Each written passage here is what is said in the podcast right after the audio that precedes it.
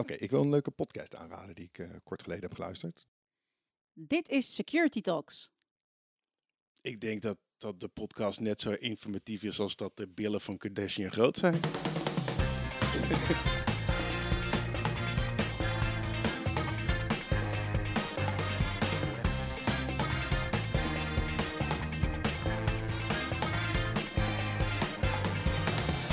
Leuk dat je weer luistert naar Security Talks, alweer de zesde aflevering van onze podcast. De Security Podcast in Nederland voor iedereen met een hart voor security. Mijn naam is Rasha Naoum, jullie host voor deze show. En zoals je gewend bent, zijn we ook deze keer er weer met nieuw cybernieuws, leuke funtips en twee fantastische gasten aan tafel. Alan van Leeuwen, mijn vaste sidekick, welkom. Leuk dat je er weer bent. Hey. Alan, welk, uh, welk nieuwtje heb je voor ons meegenomen vandaag? Um, ik ga eigenlijk een, uh, een update doen over wat onderwerpen die we in de vorige aflevering hebben besproken. Dus ik ga het heel eventjes hebben over uh, Sandworm. Daar is een leuke ontwikkeling uh, over te vertellen. Um, Conti en over de NFT-aflevering. Daar heb ik ook een update over. Oh, ik ben benieuwd. Ja, dat zou je altijd zien. Vlak nadat je een aflevering maakt, dan ontwikkelt zich net iets nieuws in het nieuws. En wat je heel graag had willen vertellen. Dus dat neem ik op deze manier even mee. Kijk, een, een, een summary. What happened over the last couple of weeks. Ja.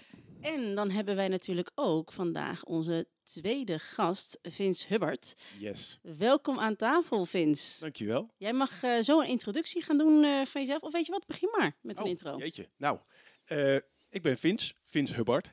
security architect bij Atos. Dat is het even in het kort. En mijn onderwerp haakt eigenlijk een beetje in op wat Alan net zei over NFT's.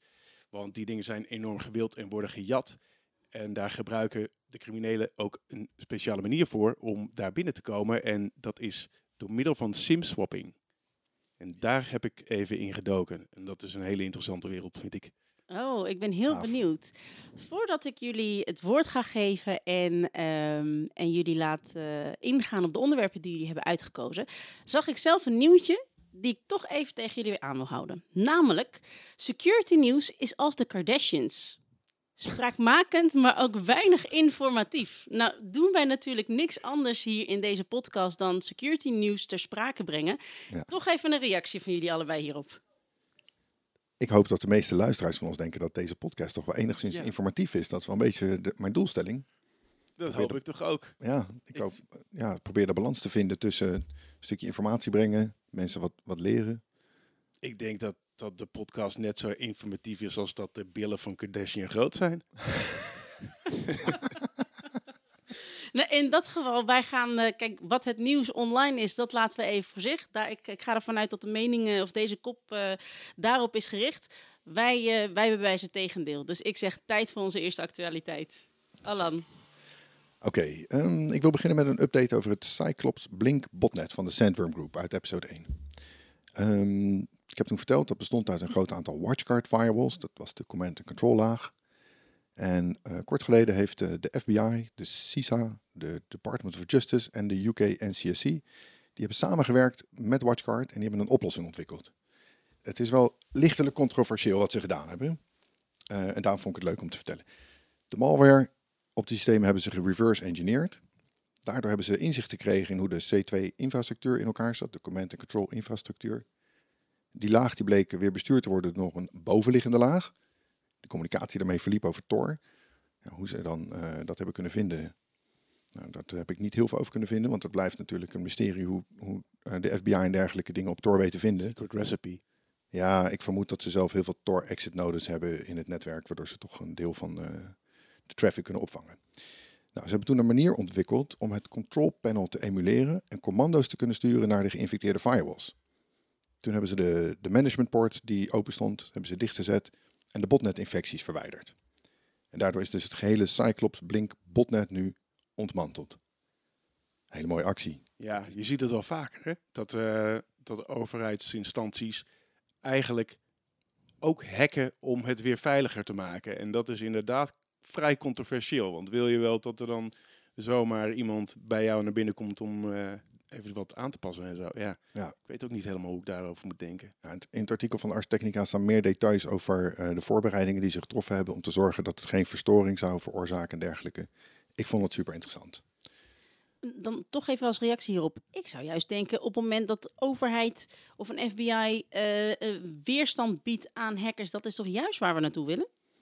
Ja, maar de manier waarop, dat ze dus ehm, controle hebben genomen over die firewalls om daar instellingen op te veranderen. Dat is natuurlijk wel een beetje, ja, daar, waar ligt precies de grens? Ja, ik weet het ook niet. Het is een beetje alsof je, alsof je auto voor de deur staat en in één keer komt daar een monteur ongevraagd langs en die, die breekt even in bij je auto. En die gaat er een ander alarmsysteem op zetten of zo, omdat dat veiliger is. Ik weet, ik weet niet helemaal, eh, ja, bedankt. Maar, Een soort van. ja, soort van, denk ik. Ik voel me toch een beetje aangetast in mijn integriteit als dat gebeurt. Eh, Ja, eh, eh, lastig punt. Ja, en je kent die monteur niet, dus Nee. hoe weet je zeker dat hij zijn werk goed doet en dat hij niet... eh, Misschien heeft hij nog wat anders achtergelaten, dat kan natuurlijk ook. Een los zou op prijs gesteld worden. Ja, ja, precies. Of laat, laat me gewoon even weten wat er aan de hand is. Dan kan ik zelf bepalen wat ik ermee. Misschien wil ik wel onderdeel zijn van een botnet, weet jij veel. er is in dit geval wel heel goed over nagedacht hoe ze het hebben aangepakt. Ehm, verdere details eh, in de show notes. Dan wil ik het even kort hebben over Conti. We hebben natuurlijk de Conti eh, dumps besproken in eh, episode 2. En op 2 april heeft Nordex, dat is een windmolenproducent, onthuld dat ze een cyberaanval vroeg gedetecteerd hadden.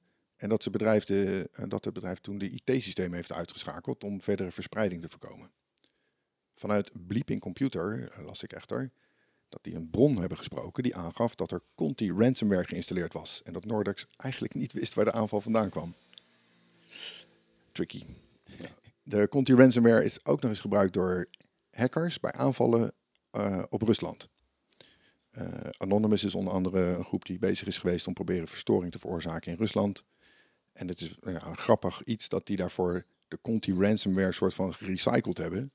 En die gebruikt hebben om dus die verstoring te veroorzaken. En er geen sleutels bij hebben kunnen leveren. Het is gewoon geëncrypt. Een soort koekje van eigen deeg voor de Russen. Ehm, dan hadden we in aflevering 4, heeft mijn collega Joris Roefs, de Okta-hack besproken. De tienerhackers. En eh, daar is nu forensisch onderzoek gedaan door een externe partij. Dat is allemaal afgerond en er is veel informatie vrijgegeven. Ik denk dat ze geleerd hebben van onze poll.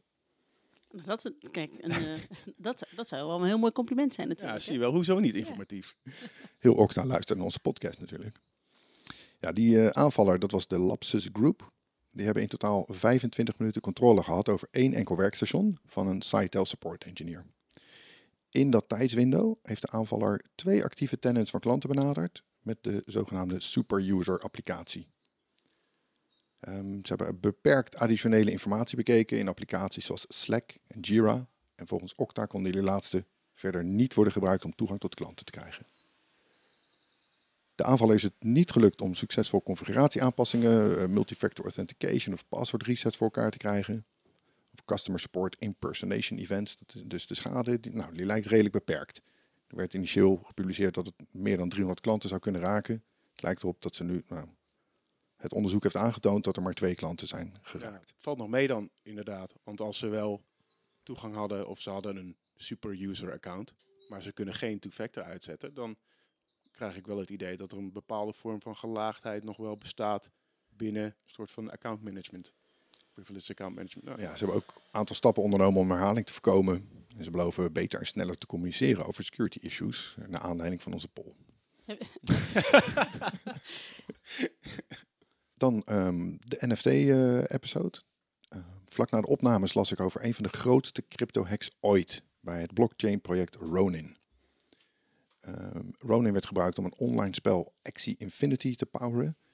En daar wordt gebruik gemaakt van NFT's. Je kunt dat spelletje spelen om geld te verdienen, om, om crypto te verdienen. Dat noem je play to earn. Er is 615 miljoen dollar in cryptovaluta gestolen. Cryptovaluta. 173.000 ethermuntjes. ook bizar hè? Gewoon een, een spelletje is dat, Ja, waar zoveel geld in omgaat. Is, is- was het spelletje bekend bij jou, Vince? Nee, ik ken dat spelletje niet. Ik heb het wel gelezen, maar ik ken het spel verder zelf helemaal niet. Eh, ik wist ook helemaal niet dat er zoveel geld in om zou kunnen gaan. Ik wist ook niet dat je een spelletje kon spelen om geld te minen, laat maar zeggen. Dus dat, eh, dat- nee. ja, ja, je kunt binnen het spel kun je items aan elkaar verkopen, geloof Ja. ik. En op die manier eh, muntjes verdienen. Ehm, Een soort po- Pokémon, maar dan anders. Ja, hoe heeft dit nou allemaal kunnen gebeuren? Ehm, Ronin geeft aan dat de hack begonnen is op november 2021. Toen Axie's uh, userbase explodeerde. En die was uh, opgezwollen tot eigenlijk onhoudbare grootte voor hun systemen. Ze hebben de instroom van spelers, uh, dat was een enorme belasting op het systeem. En toen zijn ze geforceerd de beveiliging van het systeem te verlagen. Oef. Toen het in december weer beheersbaar werd, nou, toen zijn ze dus vergeten om die security maatregelen weer op te krikken. Oeh. Toen hebben de hackers misbruik gemaakt van de verlaagde beveiliging. Nou, onze luisteraars weten misschien dat ik vorige keer uh, zei. Het zijn altijd social engineering attacks en het, is nooit, uh, het ligt nooit aan de blockchain. Dat is hartstikke veilig. In dit geval uh, blijkt dat ehm, het deels is veroorzaakt omdat een enkele entiteit, dat heet Sky Mavis, die had vier van de negen validator nodes in beheer.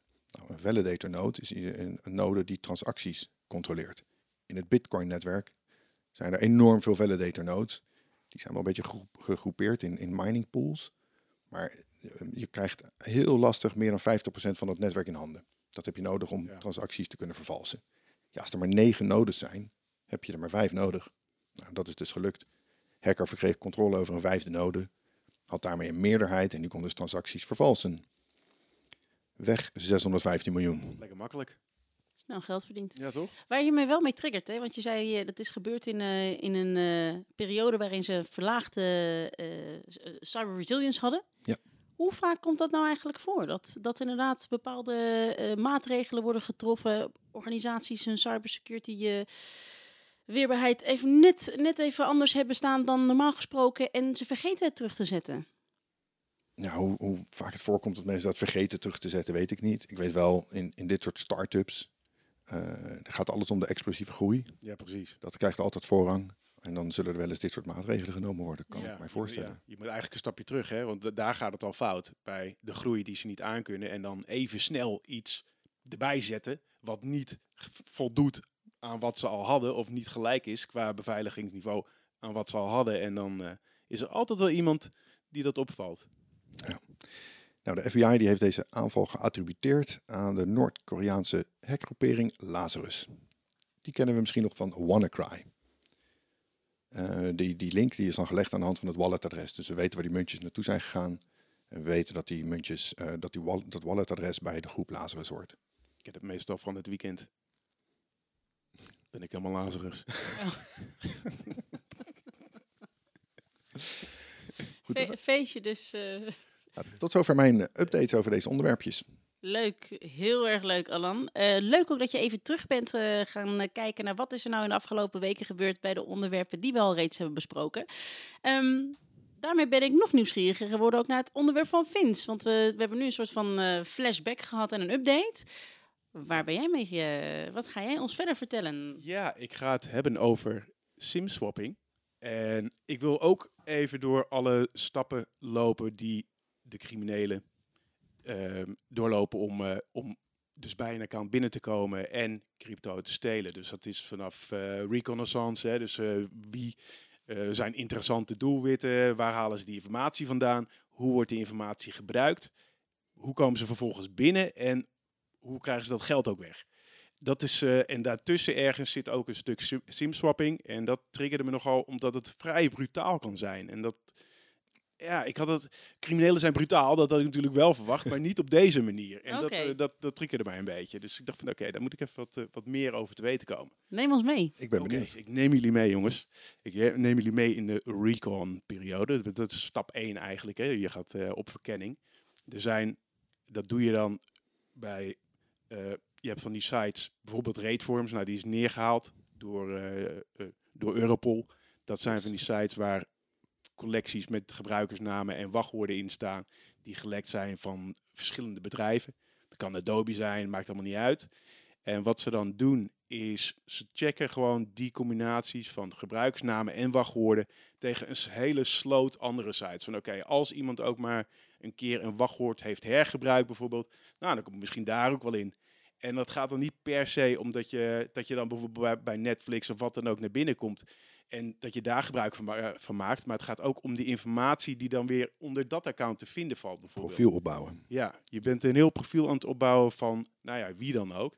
En dat is ook het eerste, de eerste stap. Je, ver, je verzamelt gewoon zoveel mogelijk informatie. hoe vinden ze de mensen met veel veel crypto om aan. Ja, dat is, dat, is natuurlijk, dat is natuurlijk de grote vraag. Die vind je, er, is, er was één vrij populaire hack onder de criminelen. Dat is de Ledger hack. Ledger, dat is een bedrijf dat van die hardware crypto wallets maakt. Ja. Nou ja, Ah, ja. dat hoef je natuurlijk alleen maar te hebben als jij denkt dat jouw crypto zoveel is dat je dat offline op een hardware device wilt bewaren. En in die hack, daar zaten geen, eh, geen wachtwoorden, dus dat hadden ze niet. Maar ze hadden daar wel e-mailadressen, voor- en achternaam en allemaal van ge- persoonsgegevens. En met een e-mailadres kun je dat natuurlijk naast die andere databases leggen. Van hé, wacht eens even.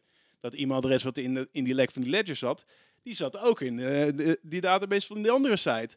Dan laten we dat wachtwoord eens even checken. En dat, Zo heb je dus je target list. dan heb je al je targetlist inderdaad. En dit zijn ook geen handmatige acties. Hè. Dit zijn allemaal geautomatiseerde acties. Ze hebben gewoon een waslijsten met gebruikersnaam en wachtwoorden. En die worden gewoon automatisch gecheckt tegen al die andere sites. En dan hebben ze een mooi overzichtje van oké, dit zijn allemaal werkende credentials. Daar kunnen we wat mee. Kunnen we verder uitbuiten. En eh, als je dingetjes hebt als eh, eh, accounts voor Netflix of Spotify, OnlyFans, weet ik, eh, OnlyFans. Dan, dan verkopen ze die door als een soort van side hustle. Maar het gaat natuurlijk om het grote geld. En Vince, heb je dan een idee over hoeveel data we het hebben? Over hoeveel gebruikers? ja, dat zijn echt miljoenen, miljoenen, miljoenen. Ja, het is, die informatie is natuurlijk niet altijd eh, up-to-date. Maar er zijn zoveel sites die gelekt zijn met gebruiksnamen en wachtwoorden. Dat, ja, dat zijn er echt miljoenen. En je hebt maar een nou ja, handjevol nodig om eh, ergens binnen te komen en, eh, en je slag te slaan natuurlijk.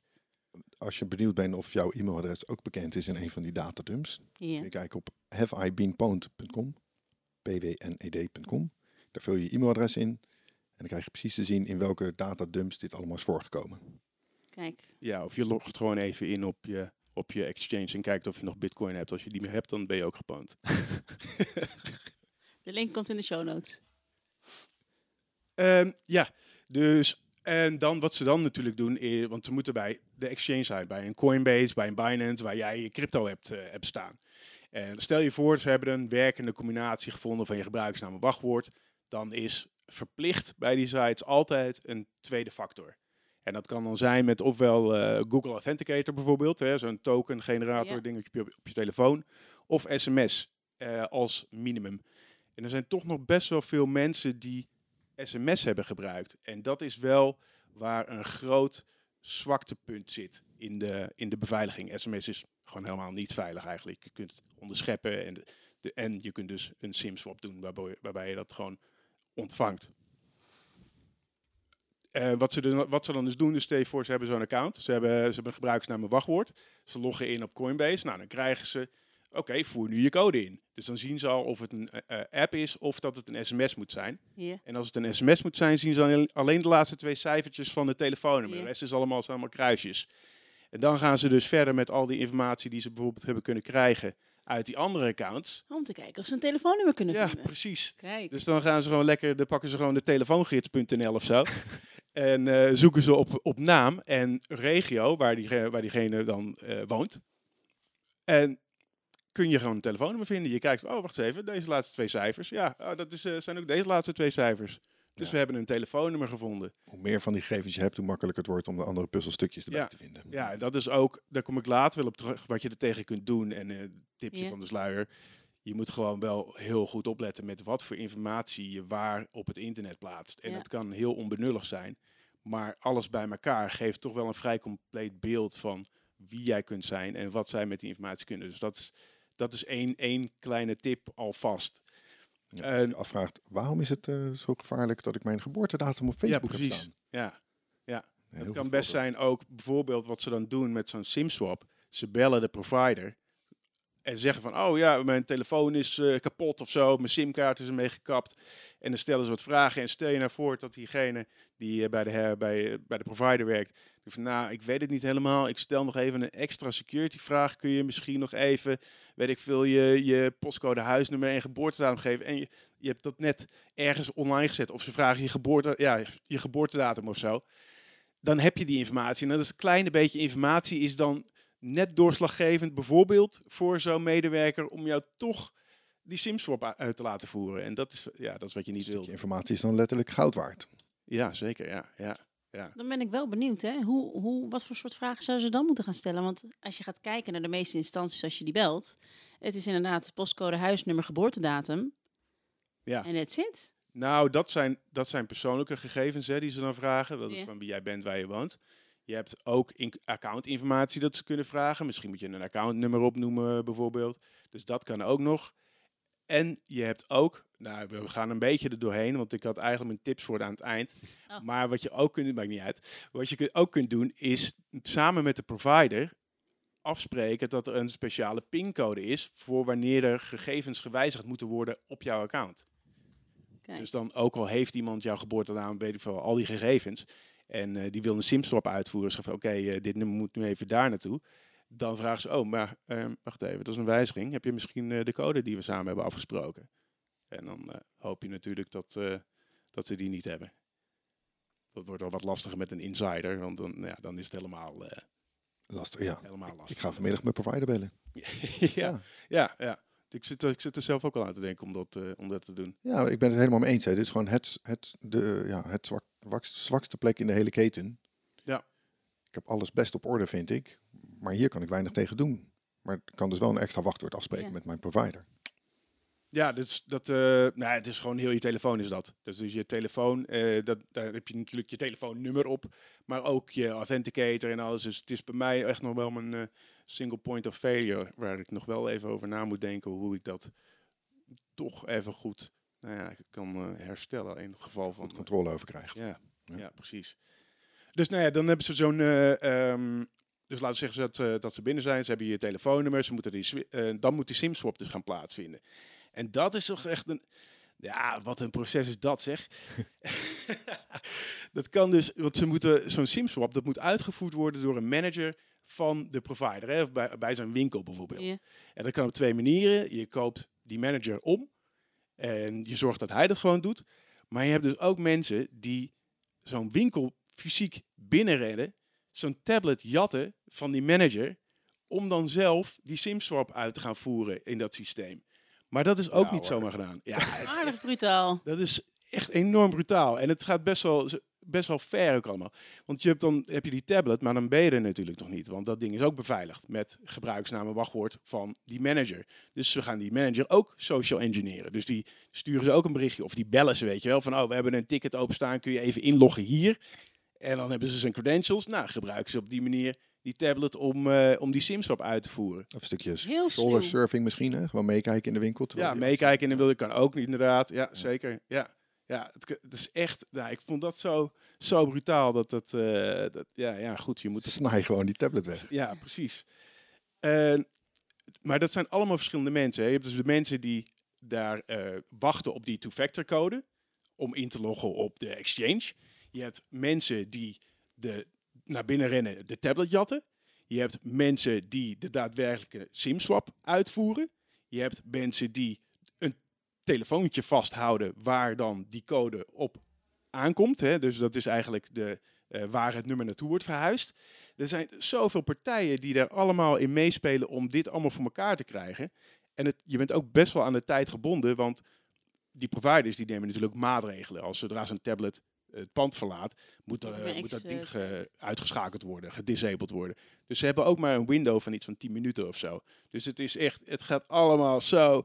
Zo Maar dat snel. zijn dan hele groeperingen die op elkaar zijn afgestemd. En die Ja, weten, ja, oké, we hebben ja. nu eh, de Pietje is target. Iedereen staat eh, in maximale staat van paraatheid en gaan. Ja, klopt. Ja, ja, ze zitten allemaal in, een, eh, in Telegram groups en zo, de, de- om, dat, eh, om dat zo af te stemmen. Dat is, eh, Heel strak georganiseerde misdaad. Ja, het, en, en dan ook nog, het zijn ook vaak tieners. Zitten ze eh, 16, 17, misschien begin 20 of zo. Ja, het is, nou ja, ik vond het zo brutaal. En je ziet ook, ik heb ook gezien, ehm, even kijken hoor. Dus ze voeren, ze voeren de SIM-swap uit. Dan Oh, hebben ja, ze ja. controle over het telefoonnummer. Ja, nou En dan, die gebruiken ze om die two-factor authentication voor de exchange ja, precies. uit te Ja, voeren. ja. En dan pakken ze je crypto. Ja, en dan hebben ze een, een, een vaker om die, om die funds weg te kunnen sluizen, die bitcoins weg te kunnen sluizen, moet je, krijg je een verificatielink per mail bijvoorbeeld. Nou ja, dan geven ze aan, oké, ik ben mijn wachtwoord vergeten. En dan krijg je vaak ook, is ook de mogelijkheid dat je weer via dat nummer Ja, een wachtwoord kunt herstellen. Dus zijn ze daar ook binnen. Klik ze op het linkje. Ja hoor, dit wil ik wel wegsluiten. Sluizen, dat ben ik. Heb je enig idee hoeveel tijd ze nou bezig zijn met, ze, met de, de algehele voorbereiding hiervoor? Ik denk, nou, dit klinkt voor mij hartstikke tijdrovend. Eer je die hele keten helemaal hebt, af, hebt afgedekt. Om ervoor te zorgen dat je precies die ene ledger kunt pakken. En daarmee, uh, weet ik veel hoeveel buiten kunt maken. Dan ben je wel even... Ze zijn er ook wel even mee bezig. Maar als je dat terugrekent naar een uurloon, dan uh, kan het wel uit. Dat is de moeite waard. ja, zeker. Ik zat eraan te denken, misschien een hobby van maken. Maar, Vince. Nee, nee, dat draag je. Dat doen we niet. Dat doen we niet. En um, oh ja, wat ik daar nog wel aan toe wil voegen is natuurlijk, omdat uh, met de komst van e-sims, ja, heb je geen fysieke simkaart meer nodig. Hè? Met, een, met een fysieke simkaart moet je naar de winkel en dan, oké, okay, ik wil het nu laten verhuizen naar een andere fysieke simkaart. Uh, daar, nou ja, daar zitten nog wat stapjes tussen en dan moet je ook ergens naartoe. Zo. Maar met zo'n e-sim, als je daar een gebruikersnaam en wachtwoord hebt van bijvoorbeeld uh, je account van een provider, van, um, van T-Mobile bijvoorbeeld, log je daarin, dan krijg je gewoon een QR-code op je scherm te zien. Je scant die QR-code en je hebt dat nummer. Dus dan, dan heb je, hoef je niet eens meer een tablet van een manager of wat dan ook te hebben om een, nummer te jatten. Dat kan gewoon met de gebruikersnaam en wachtwoord van de gebruiker die dat nummer op dat moment heeft. Dus daar, ja, ze zijn wel bezig daar wat meer maatregelen tegen te nemen. Dus dat je alsnog naar de winkel moet. Of dat ze een, een bericht sturen naar het oude nummer. Dat je op die manier nog moet verifiëren van oké, okay, dat ben ik echt. Ik wil dat uitvoeren. Je wilt eigenlijk een soort lock op je account kunnen zetten. Hè? Ja. Dat kun je bij, bij DNS-providers uh, kun je dat ook doen. Er werden nogal wat DNS-records uh, gestolen in het verleden. En dan kun je een, een lock aanzetten, waardoor je niet alleen online het zomaar kunt aanpassen, maar dan moet je ook even telefonisch uh, contacteren. Ja, dat is ook een van de maatregelen die een provider bijvoorbeeld kan nemen. Hè? Dat als je, als je wordt gebeld, als zij worden gebeld van oké, okay, ik wil uh, mijn nummer verhuizen. Dat ze zeggen, oké, okay, dat is goed, ik bel je even terug. En dan word je dus al gebeld op, ja, dan houdt het soort, al op. Uh, multifactor uh, ja, gewoon en dan anders. Dat, ja. ja. Nice. Ja, maar dit was voornamelijk in, in uh, Amerika, maar simswapping, simswapping gebeurt dus ook in Nederland. Het komt ook uh, in Nederland voor. Dus, ja, er is, ja. er is net iemand aangehouden in Rotterdam. Zeker, ja. Oh, dat wist ik niet. Ja, op security.nl. Kijk eens, Russia dan, bring in the news. Dan, dan, dan zie je, wat is het op, uh, dat is op de 9, 19 of 20 april is dat uh, gebeurd. Okay. Ah, in Rotterdam. Dus ik, ik, ik zag hem als he headline. Ik uh, moet nog even gaan doorlezen. Kijken of ik daar een link zie met het onderwerp van, van Vince. Was dat een jonkie, zeg maar? Was het weer ja, een... dat weet ik dus niet. Dat weet ik een miljonair? Dus Uit mijn hoofd. Ik, volgens mij was hij ook ergens begin 20 of zo. Ja. Dat weet ik niet zeker. Allemaal zo jong die mensen die zich mee bezighouden. Ongelooflijk. Ja. ja. Tijd te veel. En dan die enorme bedragen. Wat een rare wereld. Ja, echt uh, bizar vind ik. Maar goed. Maar als, uh, als belangrijkste takeaway dan, Vince, voor, uh, voor een ieder die, die een, een, een account heeft online of, of nu opeens denkt van, hey shit, wat, wat, ik moet wel alert zijn op... Ja, er zijn een paar open deuren natuurlijk. Gebruik je wachtwoord niet opnieuw. Weet je, het is geen reduce, reuse, recycle. Je moet gewoon een uniek wachtwoord gebruiken voor elk account wat je hebt. Gebruik 2FA, maar geen sms. Gebruik gewoon lekker zo'n uh, Authenticator app. Dat is uh, wel wat lastiger om, om daar tussen te komen. En laat gewoon, wees heel bewust van welke gegevens je waar achterlaat. En strooi er niet zomaar mee. Weet je, een simpele post op Facebook over iets kan al weggeven wat je eigenlijk niet zou willen of moeten weggeven. Ik denk drie hele mooie tips. Dankjewel. Dankjewel. Good vibes.